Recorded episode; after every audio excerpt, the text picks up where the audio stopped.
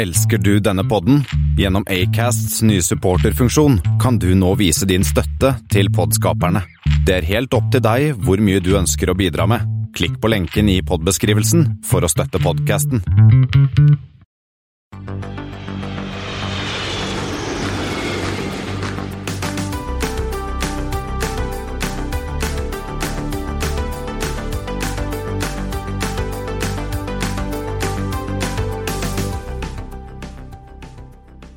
Hei og velkommen til flight 125. Det er blitt tirsdag 22.9, og du hører meg, Espen Næss, og Kristian Kamhaug. Og Yngve Angvik.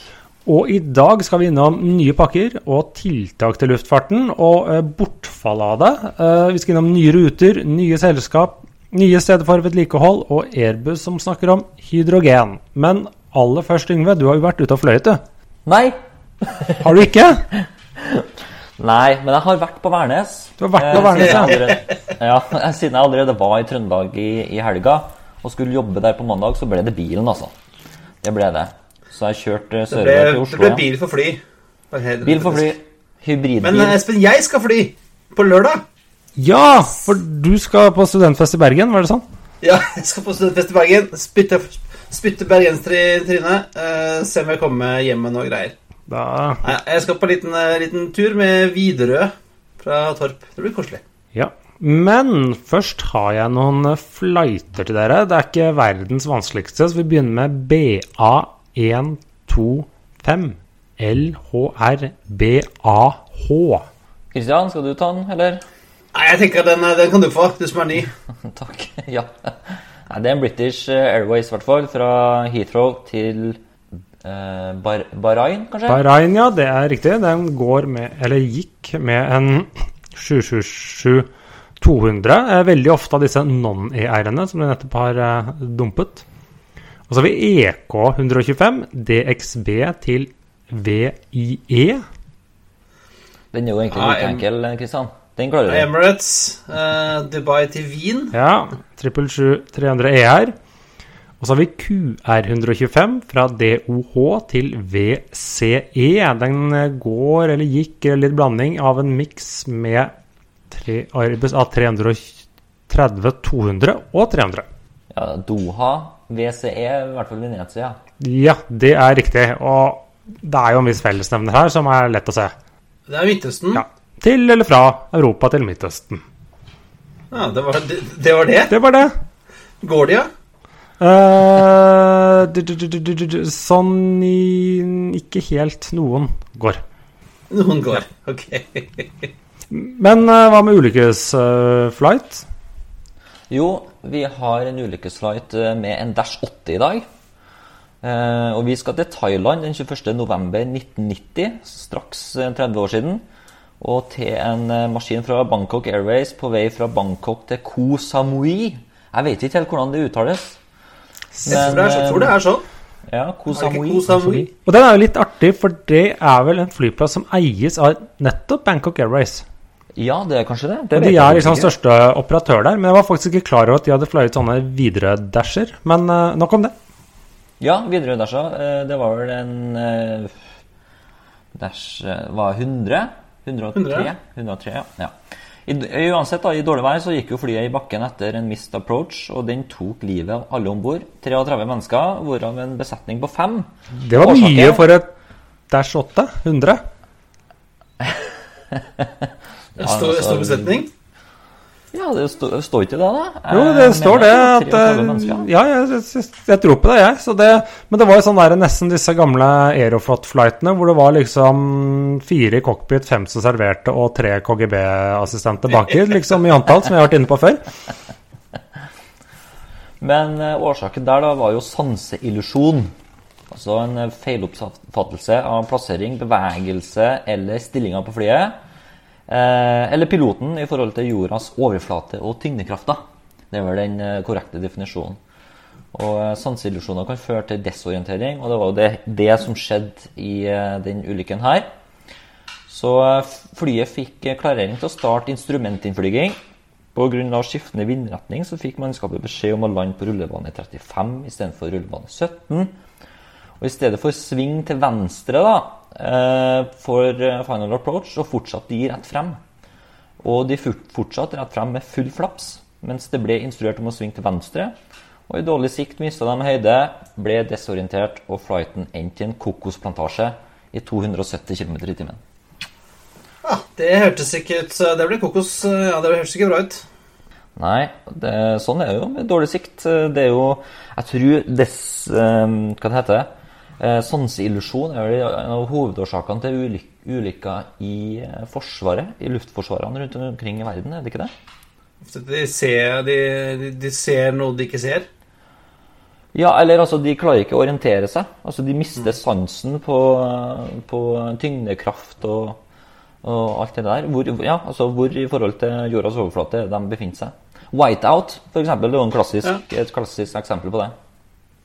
Ja, det var Bangkok Airways eh, 125, og eh, Ja. vi har Vi har en flytype som jeg syns er litt artig, fordi at den er laget veldig mange av den, men den er kanskje ikke mest kjent under det navnet. Nei, altså, vi har eh, ja, Hva skal vi kalle den? Vi, vi, la oss gå tilbake til det originale navnet, nemlig De Havilland DH125. Ja. Og det, dette er en eh, businessjet. Eh, het uh, opprinnelig DH125 Jet Dragon. Men, men jeg også passe på, nå snakker vi om De Havilland som dreiv og tapte penger i UK. Ikke kanadiske altså, De Havilland. Ikke De Havilland Canada, men eh, De Havilland, de som bygde Komet og sånne ting. Uh, og de hadde da designet denne jet, denne businessjeten. 8 til 15 seter ca. Skulle erstatte De Havilland Dope, egentlig, som var et uh, turboprop eh, sånn privat eh, fly. Som vi vel så i The Crown. Ja, blant annet. Ja. Ja. og denne da eh, DH125 da ble satt i fløy første gang i 1962.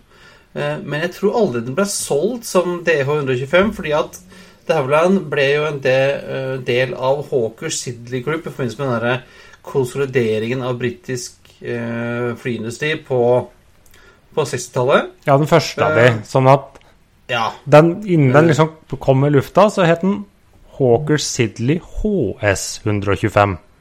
Ja, og det gjorde den fram til 1977, hvor, den, hvor da Hawker Sidley eh, da ble en del av British Aerospace. Ja, og da het den BAE 125. Ja. Eh, Og det het den da fram til 1993, når eh, solgte denne til Raytheon eh, i USA. Og da ble den Hawker eh, 800 eller Hawker 1000. Det var to forskjellige versjoner av. Eh, og uh, Raytheon solgte den her fram til 2007, da Hawker ble slått sammen med Hawker Beechcraft, og da het den Hawker Beechcraft. ja. Men det het fortsatt da Hawker 800 og 1000. ja. Og, og flyet er jo kanskje mer kjent som det siste navnet. Hawker 800, eller sånn at det er den Ja. det ble solgt Det ble jo solgt sjukt mange, særlig nett, NetJets eh, kjøpte jo en masse av disse. Ja, det er bygget over 1700 eh, maskiner. Og, men det var jo ikke samme, så den var jo kan jeg si, i produksjon fra da 19... Var det 62? 63. 63, ja. Eller First Flight var 62. Så fram til da siste ble produsert, helt fram til 2013. Eh, men den var jo De kjørte jo en sånn Neo-variant av den etter hvert, etter hvert som ble Hawker. Hvis du ser første bildene hans, så hadde han jo en sånne Ja, ja, de første, og flyet ble større, og motorene fikk jo byttet ut fra sånn tynn sigarett bak til en litt mer sånn vanlig turboprop. Nei, turbojet, unnskyld. Men den ser, jo, den ser jo rimelig lik ut fra liksom eh, Det er vel litt lenger. Front, Litt større motorer. frontvinduene ser du er designa på 60-tallet. Ja, og altså, den er jo da, eh, har jeg lest, uh, historiens mestselgende britiske sivile jetfly. Selv om den vel ble produsert i USA på slutten. Kan det stemme? Ja, men eh, det er, det er det er britiske design, da. Ja. La oss uh, si det. Og bygd da i 50 år. Ja, Av du fem forskjellige flyfabrikker, eller iallfall med navn. Så det er også litt sånn uh, uvanlig. Det er jo veldig sjeldent at, at flyfabrikk kjøpes på den måten og bytter navn. Enten så liksom kjøpes noe opp, og så legges det ned. Sånn som ta McDonald Douglas uh, MD80. Det ble jo aldri noe Boeing av det. Ja, de fikk en sånn Boeing 717 da, uh, til slutt, men Det var også sånn halvhjertet. At, uh, sånt er veldig unormalt. Airbus A220 er liksom den siste. Så har du jo Du kan tenke deg Jo, men eh, Dash 8 også har jo både vært uh, uh, Det har vel en Canada Dash 8, og så var den jo Boeing Dash 8 en periode, og så ble den jo Bombardier Q400. Ja, men du kaller den jo fortsatt? Dash 8. Den er liksom markedsført Ja. som Dash 8. Her har de jo liksom bytta navn ja, flere ganger. Men det, Eh, og det var jo i hvert fall én, eller det var to, husker jeg ikke, en eh, HS 125 på norsk register. BCB hadde Tre. tre stykker. Ja. Ja. Og to av de har blitt spiker. eh, mens den siste skal visstnok være i privat eie et eller annet sted i verden, tror jeg. Ja, vi får kjøre en spleis for å få den tilbake til Norge. ja, hva brukte Ja. BCB disse til? Var det litt sånn utleie? Executive Jet. Ja. Det, det var før de som begynte å fly eh, Fokker F27, så drev de å fly mye sånne eh, privatjet-greier for eh, norske shipping og sånn. Ja. Ja, det er en, en morsom liten sak. Jeg har aldri flydd den, eh, faktisk. Jeg hadde, men jeg hadde, en sånn, hadde den her som et lekefly da jeg var liten. Det er jo et veldig pent fly, da. Det er jo en, er en klassisk, klassisk privathet, liksom. Ordentlig klassisk privathet. Har tatt en, har tatt, en sånn, Espen. Ja da. Det er, det er bare å sende oss mail, så blir vi med. Ja, eh, men eh, la oss da hoppe fra britiske privatjeter til koronatimes. Corona Times. Koronagjetter. Espen? Samferdselsdepartementet har eh, vært ute og fornyet denne avtalen om eh, kjøp av minimumstjenester. Fornyet og endret. Ok, hva, Så nå, hva har skjedd? eh, av Det som har skjedd, er at bl.a. Trom, Oslo til Tromsø, Bodø, Evenes, Ålesund og Kristiansand de mister støtten. Så de må klare seg selv. Så det betyr jo at det er en viss levedyktighet kommersielt for de rutene, da, med denne lille begrensede trafikken som er, og begrensede program som flys dit. Ja, og det er vel, var vel poenget også. At uh, Ja. når det skulle kunne flys kommersielt, så skulle ikke det få støtte lenger. Det stemmer. Og det betyr også fra før, som jeg ikke var klar over, var jo da Bergen, Trondheim og Stavanger fra Oslo, og sikkert da Bergen-Stavanger ikke er en del av dette. Så de har fløyet på kommersielle vilkår nå en stund. Og dette til sammen skal komme litt mer tilbake på hva det får. Det får flyselskapene 12,5 millioner kroner i uken for. Så det er jo ikke sånn enorme summer. Så det som blir da, er jo at Norwegian og SAS de deler, jeg antar, sånn rundt 50% hver. Hvor det da er snakk om da til sammen da to ganger daglig Oslo-Haugesund, Kristiansund, Molde, Bardufoss, Alta, Kirkenes. Også en gang om dagen Tromsø, Longyearbyen. Også en sånn Trondheim-Bodø-Tromsø-rute to ganger om dagen. Eller det vil si, når jeg sier to ganger om dagen, så er det hver dag unntatt lørdag. Eh, som liksom dette dekker. Fly, men flyselskapene står fritt til å ha fly ytterligere eh, Et ytterligere større program eh, enn dette. Og Widerøe får jo også litt rann, eh, penger. Ja, eh, Widerøe de får da skal fly to ganger i uken, ikke i uken, men som dagen Oslo-Florø, Bergen-Florø, Oslo-Hovden. Eh, Skagen. Skagen, det er Stokmarknes til Bodø tre ganger om dagen, og to ganger om dagen til Tromsø. Vadsø-Tromsø to ganger om dagen, Hammerfest-Tromsø to ganger om dagen, Alta-Tromsø to ganger om dagen og Kirkenes-Tromsø to ganger om dagen. For dette er jo ruter som faktisk er kommersielle, som ikke er en del av anbudsrutene. Ja, for de går som vanlig. De går som vanlig. De vel sikkert dratt ned til et sånt minimumsgreie. Så det, så det er jo Ja, det I løpet av de ti ukene, eller hva det er, ti-tolv ukene som er igjen av året, så gir de da flyselskapene 280 millioner kroner i inntekter. Som høres mye ut, men det er jo mussepiss i havet. Sammenlignet med nedgangen. hva er det Norwegian brenner? 300-500 millioner i måneden? I måneden, ja. Du, du er flink til å nevne det, Kristian. Du har nevnt det i hver eh, podkastepisode den siste måneden. Ja, men det er jo Altså, det sier noe om liksom, hvor vi, og, og jeg fikk de tallene bekreftet nå i helgen eh, av, eh, av Jakob Skram. Jeg kommer tilbake til det, til det men altså, det er jo det, det er Det viser jo som hvor alvorlig dette er. Det kan, man kan ikke holde på sånn. Og hvis Norwegian brenner den type penger, så jeg tror ikke SAS er så langt unna. Jeg mener de har snakket om det samme. For det, samtidig nå da, så ble det også kjent at denne såkalte kredittpakken forlenges ut året. Visstnok skal den endres noe, men til nå så er det jo bare Norwegian og litt Air Airwing som har benyttet den av det. For de andre har enten syntes den har vært for dyrt, dårlig eller ikke vært kvalifisert. Og det er jo det er jo ikke egentlig eller Ja, på en måte så løser det et problem at flyselskapene trenger cash, men de trenger jo ikke mer gjeld. Nei, det, det er jo ikke akkurat bærekraftig. Men er det egentlig bærekraftig å bare gi flyselskapene penger?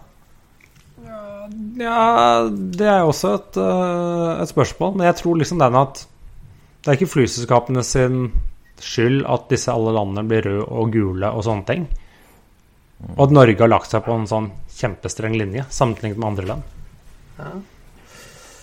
Nei, altså, det, det, det, det, det var vi litt innom forrige gang også, men hva skal man gjøre? Skal, vi liksom, skal man eh, legge ned bransjen, sette den på, legge den på is eh, til vi kan åpne den i 2022, eller? Altså, Men det er, det er også dyrt, så det er liksom Det koster penger uansett, så det Men uansett, en liten digresjon her, for vi, vi var innom eh, Bodø. Eh, og apropos det at regjeringa bruker penger. Eh, det ble- kom jo en beskjed i dag, eh, og det her snakker vi ikke om eh, i forkant av podkasten, men eh, de fortsetter, regjeringa eh, og Avinor, forprosjektet på ny eh, rullebane og ny terminal i Bodø. Faktisk, på tross av eh, koronakrisa, da. Så de er jo veldig villige til å legge penger i luftfarten, eh, både Avinor og, og regjeringa, eh, sånn sett, da. Ja, nei, det det, skal jo jeg være, være glad for, i og med at uh, selskapet Veobrey er en stor uh, har, har store, store oppgaver der. men dette grenser jo vel også litt inn mot byutvikling egentlig også, slik jeg har forstått det. Gjør det ikke det? Jo, han, han sier jo faktisk det, samferdselsminister Knut Arild Har- Hareide, at det, hele prosjektet ses jo i sammenheng med byutvikling. Uh, og så kan jo vi kanskje dra det videre til vi ser det i sammenheng med en, eh, eh, ja, en ny epoke da, etter at Luftforsvaret strengt tatt eh, forsvinner i praksis. Ja, så blir det liksom Fra Bodø, i hvert fall. Fra Bodø, ja. Du kan ikke legge ned Luftforsvaret. Nei. De havner i, eh, i Trøndelag, det, vet du. Men dette er jo å, å litt mer på lang sikt og sånn. Det hjelper jo ikke da flyselskapene eller egentlig så veldig mye bransjen, unntatt et par som sitter og jobber med forprosjektene på dette på kort sikt. For det som også har jo skjedd, er jo at eller forslag som ligger ute nå, er jo at luftfartsavgiftfrafallet, som det heter, er forslag at det forsvinner nå fra 1.11. Og samme med momsreduksjonen. Det vil jo ikke akkurat hjelpe. Nei, det er sånn vi gir med ene hånda og tar tilbake fra andre. Det er det samme, ja. Du har liksom kommet like så langt. Og det, det er jo litt sånn at hvis selskapene går konkurs, eller hvis Norwegian går konkurs pga. dette, så har jo staten stilt som garantist for 3 milliarder kroner allerede, som da går tapt. Ja, eh, det er det der gamle, vet du, Espen, at hvis du skylder 3 millioner, så har du et problem. Hvis du skylder 3 milliarder, så har banken et problem. Ja, nei, banken har ikke noe problem, for de bare går Nei, til staten har et problem, da. Ja. Ja, ja. Eh, og Torp skulle få noe mer penger også. De skulle også få mer penger. De har allerede fått 90 millioner kroner. Nå får de 30 til, Han skal hjelpe dem ut året. Men de varsler og sier at vi må jo si opp folk for det, for vi må jo faktisk tilpasse kostnadene, inntektene, og liksom til trafikken. Eh, Så de forventer jo kanskje De håper jo på at de får 1 million reisende i 2021.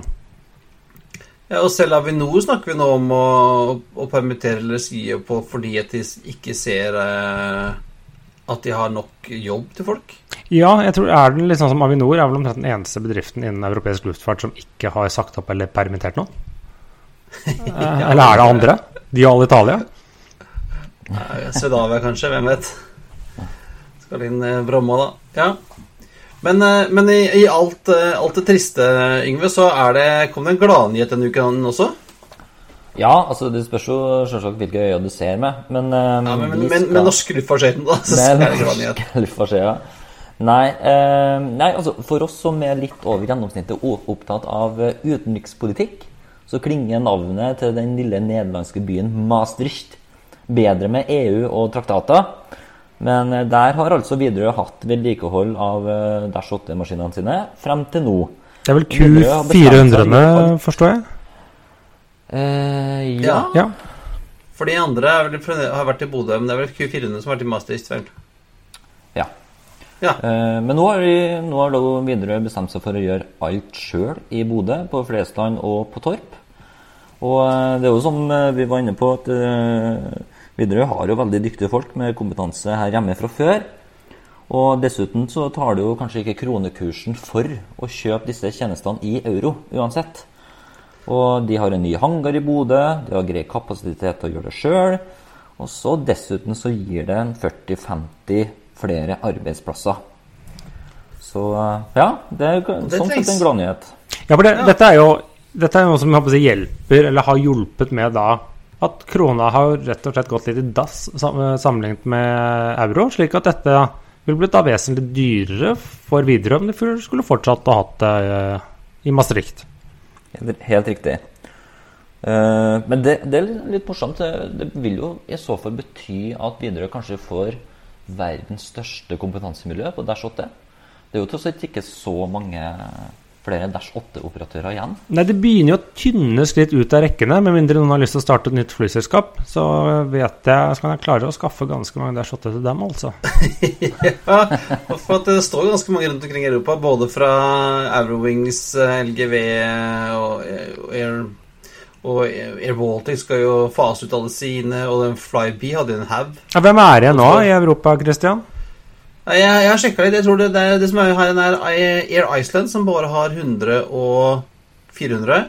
Det heter jo ikke Q400 lenger, vet du. Nå heter det bare 400. da. Ja, apropos flystyper som skifter navn. ja. eh, Lott har noen. eh, Luxair eh, har noen 400. Sata på Azorene har noen 400. Olympic har både 100 og 400. Flyr rundt på øyene i eh, Græskøyan. Eh, og så er det vel da ja, Austin har vel noen eh, igjen, få igjen, tror jeg, som er på vei til å fase Ja, de, de skulle jo ble, De var jo annonsert utfaset før korona, til og med. Ja. Jeg er bare nysgjerrig til Luxair. Hvor er de flyr hen, disse Dash 8? Jeg, så, jeg har sett dem bl.a. i Stockholm. Ja, riktig. København, tenker jeg også. Ja, til, ja det, er jo, det er jo egentlig en perfekt størrelse for å fly til Luxembourg.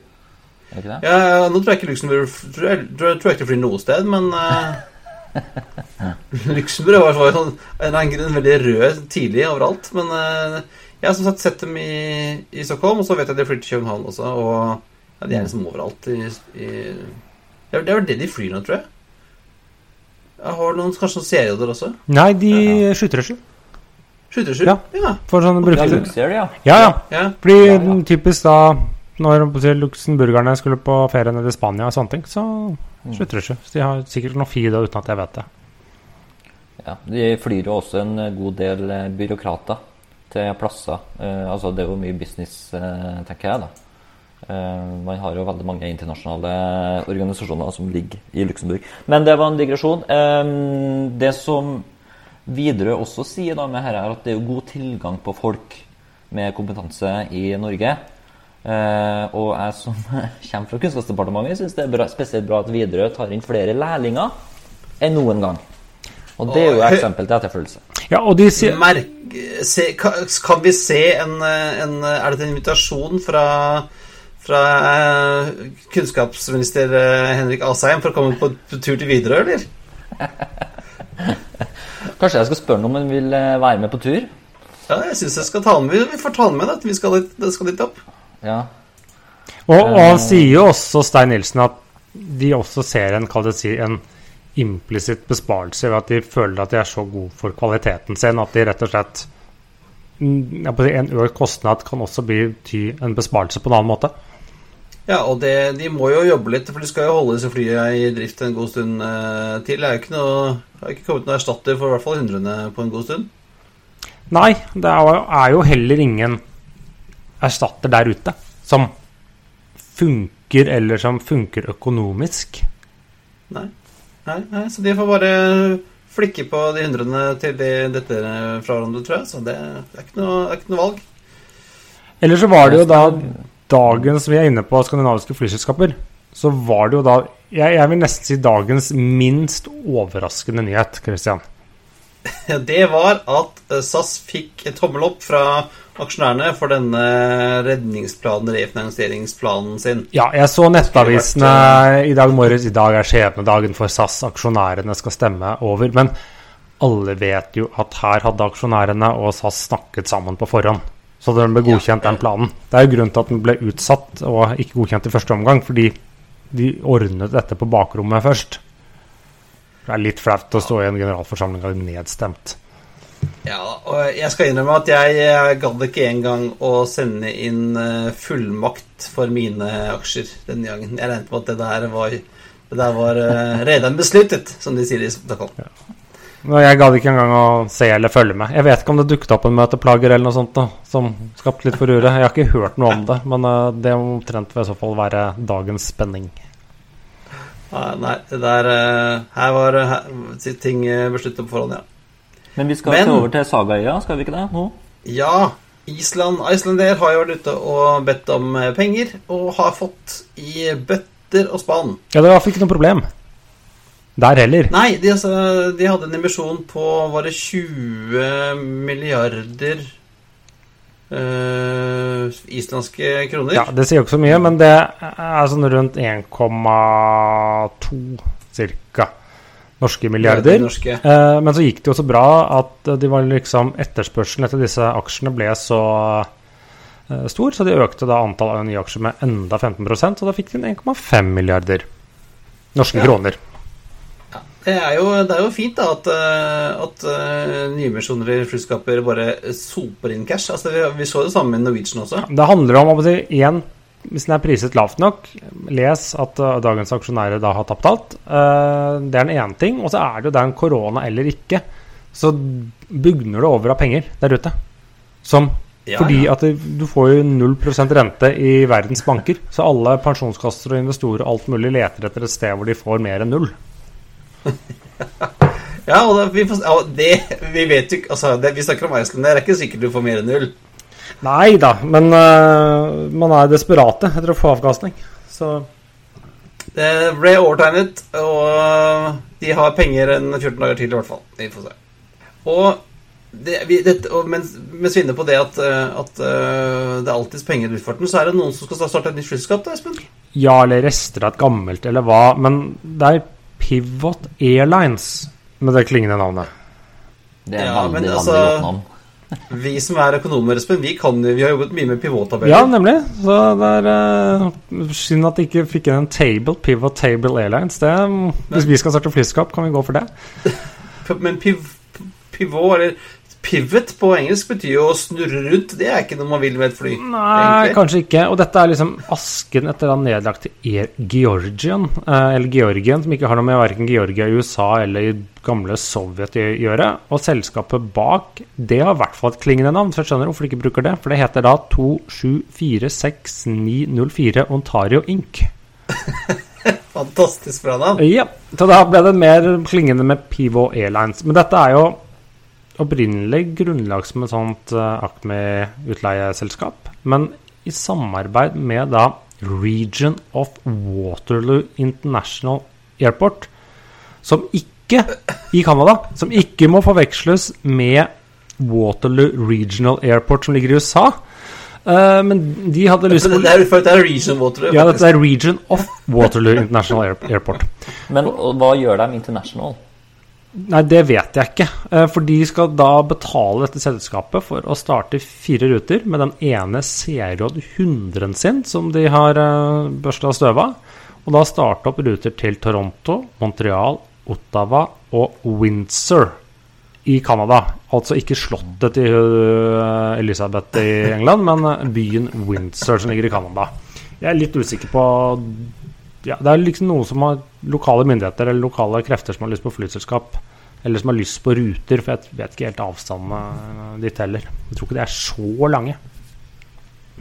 Nei, men altså Det er uh, Regional Waterloo National Airport, ja. Det, det klinger godt. Ligger ikke det typ 100 km fra Toronto? Jo. Eller noe sånt noe. Ja. Og du har miles til Toronto. Men det er litt sånn Det er ikke veldig langt. Nei. Nei ja. men men vet Noe skal man bruke penger på. Men så er det noen som Ja Yngve, er det noen som prøver å få penger, eller skal selge litt billetter? Ja, altså for eh, ja, det var vel for tre-fire uker siden så snakker vi om at Virgin de skal begynne å fly til Pakistan. Og nå eh, følger British Airways etter med rute til Lahore fra Heathrow med fire flyvninger i uka. Og det er vel med en Dreamliner, da. Eh, 7878. Og det starta jeg med allerede fra 12. oktober, så de er faktisk Eh, ja, de kommer eh, Virgin to måneder i forkjøpet der, sjøl om eh, Virgin lanserte her for en måned siden. Ja, for det, jeg føler det er litt sånn der det samme at Ok, vi har noen fly, vi har noen slotts. Hvor kan vi Hva skal vi gjøre med dem? Ja. Ørkenen eller rute til Pakistan? Så det, det er ikke, ikke så veldig mye mer enn det. Jeg vet ikke om dere har lyst til å ta dere en tur til, til Pakistan? Nei. Ikke sånn Nei. frister eh, aller mest, eh, gitt. Men British Airways de eh, rett før korona gjenstartet jo en rute til Pakistan etter å ha vært borte fra det landet pga. sikkerheten i ganske mange år. Så de startet jo med Heathrow var det Islamabad. Ja. Ja. Mens verken, slik jeg forstår det, verken British Airways eller eh, var det Virgin, de tør fly til Karachi. For den flyplassen er visst ikke helt god, slik jeg forstår det, på en del sikkerhetsaspekter. Nei, Ja. vi får holde oss unna. Men vi som ikke vil dra til Pakistan, da kan vi jo dra hjem til vår egen andedam igjen, da, Espen? Ja, for Norwegian de skal ikke forurense så mye fremover. Eller ikke bare fordi de ikke flyr så mye, men de sier de skal redusere sitt klimafotavtrykk med 45% innen 2023. Er det ambisiøst, Christian? Ja og nei. Ehm, de snakker jo om en sånn eh, 45% reduksjon på mot en 2010 baseline. Eh, og så hvis du ser liksom på tallene, så har de allerede oppnådd 28 eh, reduksjon pga. at de har fått Dreamlinere inn og lengre stage length og sånne ting. Og så har de fått 77 maks Ja, for dette er utslipp per sete eller per per kilometer, eller ja. Så hvis du da eh, istedenfor å fly kort med en 778, fordi du flyr langt med en Dreamliner, så blir jo CO2-utslipp per setekilometer kilometer rimelig redusert ganske mye, da. Mm. Men de skal jo også da koke sammen litt biodrivstoff, eller hvordan, hva tenk, De hadde noen tanker rundt det?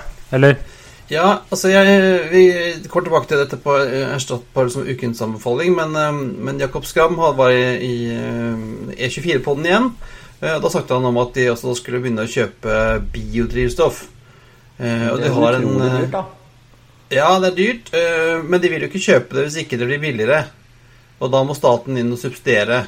Eh, så er det sånn Ja, vi vil, men vi vil egentlig ikke. Ja, men det er vel litt sånn Dette med biodrivstoff En årsak til at det er såpass dyrt, er vel kanskje mangel på volumer. Dette blir litt sånn høna egget-greie, Ja, ja. fordi at det, her er det jo stordriftsfordeler og storskalafordeler, slik at jo mer du produserer, jo billigere blir det per fat. Vil jeg Ja, så, anta. så, altså Produksjonen er ganske liten. Altså Norwegian sier at de skal ha 500 millioner liter biodrivstoff.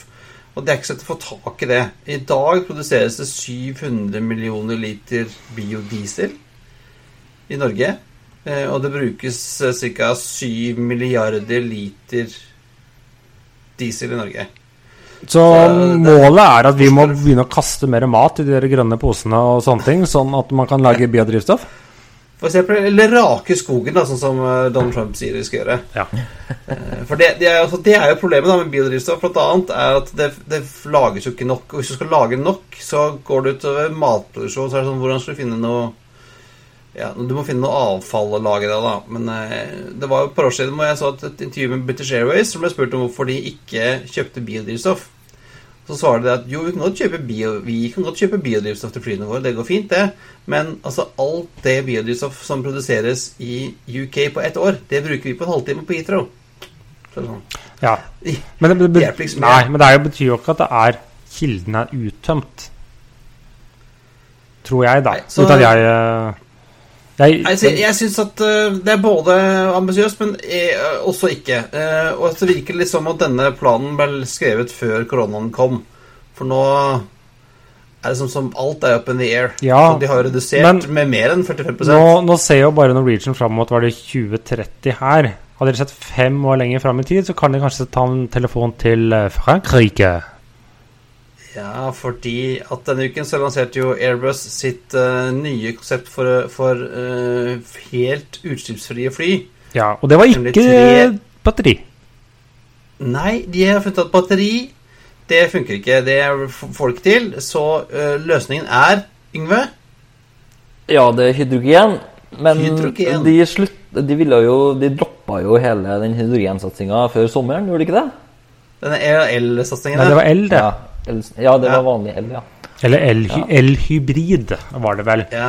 Uh, så de presenterte jo egentlig tre, kall det si, konsepter uh, som de tenker på. Det ene er en turboprop inntil 100 passasjerer, som ser ut som en litt stor ATR-maskin. ja.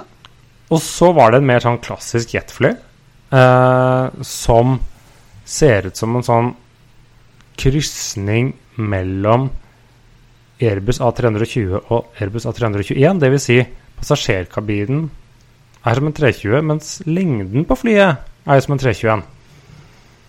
Ja, for den siste tredjedelen, der eh, er jo tanken. Ja, fordi det som er Også denne turboproppen var jo ganske lang, for det som er, er at eh, Dette er snakk om flytende hydrogen, altså. eh, er at Ja, for, for gass det driver ikke med luftfarten lenger etter, etter Hindenburg. Nei, det slutta med for sånn snart 100 år siden. 90 år siden. år siden.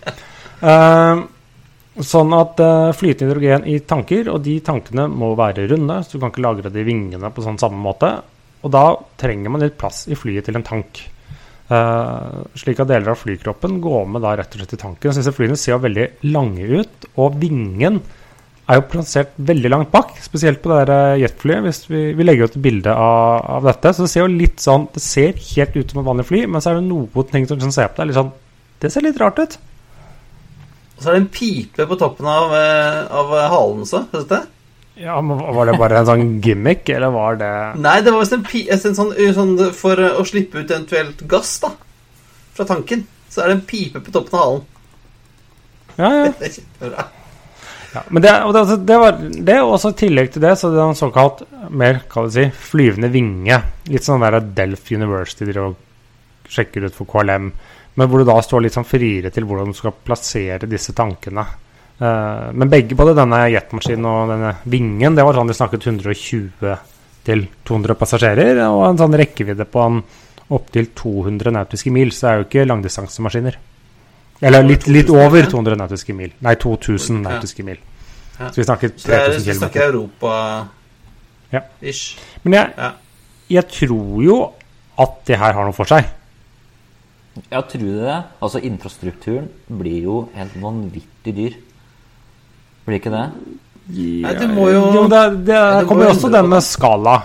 At du må få skala på det. At du må ha Ja, du må bygge opp infrastrukturen, men det gjør du jo kanskje én gang. Og du må, de må jo gjøre noe uansett. De må gjøre noe på drivstoffet. Ja. Det som eh, kunne ha vært interessant å sett eh, hvordan det der kunne ha fungert i Norge. Hvis vi har f.eks. en CCS-satsing, altså karbonfangst og -lagring, og utvinner blått hydrogen ut ifra det, så kan jo, kan jo vi ha en god del av det drivstoffet i Norge inn i 2030-tallet, kanskje? Hvem vet? Ja, eller ja, bruke det, det er jo CCS, men det kan jo, hydrogen kan jo også lages ved hjelp av helt vanlig strøm. Ja, eller Ja, det vi- Men det er energikrevende. Det er helt vanvittig energikrevende. Altså, man, det går jo tapt veldig mye energi. Altså elektrisitet. Bare ved å fremstille hydrogen, altså grønt hydrogen, som en, eh, med, som en energibærer. Um, så jeg vet ikke hva som er mest Ja, du må ha veldig mye vannkraft eller veldig mye solkraft. Ja. Ja, men så har jeg jo så har jeg, Dette snakket jeg litt med ingeniørkompisene mine på jobben her i dag, og de sa jo at store problemet med hydrogen er hvis du tar eh, lager hydrogen, så lager du strøm av hydrogenen. Ja. Da taper du veldig mye. Men her skal du jo brenne hydrogenen. Ja, de skal ikke bruke den til strøm. Det er ikke en brenselcelle, sånn som når du ser disse fem hydrogenbilene eller sånt som er solgt i Norge, som kjører rundt. Det er jo praksis en elbil som slipper ut vann. Mm. Det er en si, elektro, men her er det jo rett og slett at de kan bruke dagens jetmotorer. Kan teknologien for å få dem til å gå på hydrogen er vel der i praksis. Dvs. Si at man må bygge de om fordi det brennes litt kaldere og det er litt forskjellige ting. Men en konvensjonell jetmotor, eller arkitekturen til en konvers konvensjonell jetmotor, slik jeg forstår det, kan egentlig gå på hydrogen. Du må ikke finne opp en ny type motor. Nei. Og da, og da mister du ikke så mye energi når du gjør om Ja, ikke når du gjør om, men du må, som, sagt, som Inge var inne på, du må lage den hydrogen, eller lage den, omgjøre, hydrogen, det- omgjøre noe er energi til hydrogen. kraftkilde Å lage den hydrogen. Uh, Og per dags dato så er blått hydrogen, altså hydrogen uh, fra karbon, uh, det er jo det som er rimeligst, sånn sett, da. Er. Så da syns jeg kanskje det blir spennende med, med det prosjektet som regjeringa sa ga grønt lys til i ja, I går. mandag. Ja, det var i går. Ja. Tida går fort ut når det er gøy.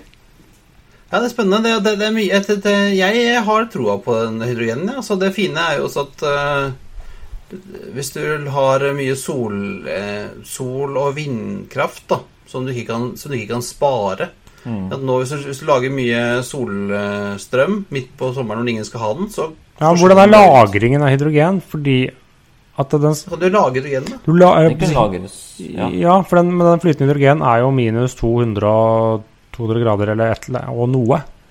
33 kelvin tror jeg den inneholder, eller har temperatur. Eh, og da er det jo noen komplisert måte å lagre det på. Strøm er jo klin umulig å lage, lagre, eller ikke, du får lagd batteri, da, men det er dyrt og tungt. Eh, men det er ikke som da dagens flydrivstoff eller olje, hvor du bare kan smekke opp en ståltank, og så vips, så er den der til du trenger å bruke den om noen år. Ja, men dette er uansett eh, spennende. Jeg tror vi må få tak i noen som kan dette bedre enn oss, ja, gutta. Ja, absolutt. Men eh, da har jo vi en anbefaling, da. Ikke hydrogen, Ja. Men Jeg har en anbefaling eh, som nok en gang anbefaler vi jo eh, vår eh, friend of the pod eh, Marius Lorentzen og E24-podden. Nå i helgen så hadde han Jakob Skram fra Norwegian på besøk og snakket mye om denne mm, ambisiøse eller ikke fullt så ambisiøse klimaplanen, men også om liksom det å og vi- de, de utfordringene de står i nå med finansieringen av korona og sånn. eh, Det er vel, eh, vel interessant eh, prat. ja, og nødvendigheten deres til å liksom rett og slett drive litt multitasking. Ja, her må de gjøre alt på en gang. Mens, mens butikken går. Så når du er ferdig med å høre på oss, eh, søk opp E24-podden og hør den episoden med Jakob Skram. Det anbefales. Yes. Var det noe mer vi har å meddele da, gutta? Nei, eh, jeg tror ikke det. Altså, vi- er som vanlig åpne for eh, invitasjoner på flyturer og alt mulig, vi. Ja. Og tips til ting vi kan snakke om og Det høres bra ut. Men da var det her alt for eh, denne gang. Det er på tide å feste sikkerhetsbeltene, rette opp setet og sikre fri sikt ut av vinduet ettersom flight 125 går inn for landing. Som vanlig finner du linker til det vi har snakka om i dag på flypodden.no. Du finner oss også på facebook.com slash flypodden, på Twitter at flypodden og Instagram at flypodden. Har du et spørsmål, eller flere kanskje, vil du invitere oss på tur, som eh, Kristian eh, gjerne vil at eh, du må gjøre, eller sponse oss, så er det bare å sende oss en mail på hallo at flypodden.no. Ha det bra. Sikkerhetsbeltet det festes åpnes på denne måten. Det skal alltid være fastspent med skiltet med sikkerhetsbeltelyset. Vi anbefaler at du beholder det fastspent under hele flygninga. Ved behov for oksygen åpnes et panel over det automatisk, og maskene kommer til syne. Trekk maska ned med et kraftig rykk. Plasser den over nese og munn og pust normalt. Juster båndet for å holde maska på plass. Ta først på egen maske, hjelp deretter andre. Redningsvesten finnes under stolen. Ta vesten over hodet. Legg båndet rundt livet. Fest spenna og dra igjen det stykket for å stramme til. Det er først når du forlater flyet at du blåser opp vesten ved å dra i stroppen. Du kan justere lufta i redningsvesten ved å benytte munnstykket. Nødutgangene bak, over vingene og foran i kabinen er alle merka med exit-skilt. Lys i midtgangen vil vise veien ut. Legg merke til hvor din nærmeste nødutgang befinner seg. Det kan være bak deg. Og ved evakuering skal håndbagasjen forbli om bord. Du må gjerne bruke elektronisk utstyr og vårt wifi så lenge flymodus er aktivert over hele flygninga. Dersom du lader elektronisk utstyr, bør dere holde enheten under oppsikt. Kontakt besetninga hvis den blir varm eller begynner å ryke. SAS-flyvninger er røykfrie. Dette inkluderer elektroniske sigaretter, og det gjelder også på toalettet. Besetninga er om bord fordi sikkerhet, og det er viktig at du følger våre instruksjoner under flygninga. Vi ønsker deg en riktig god tur.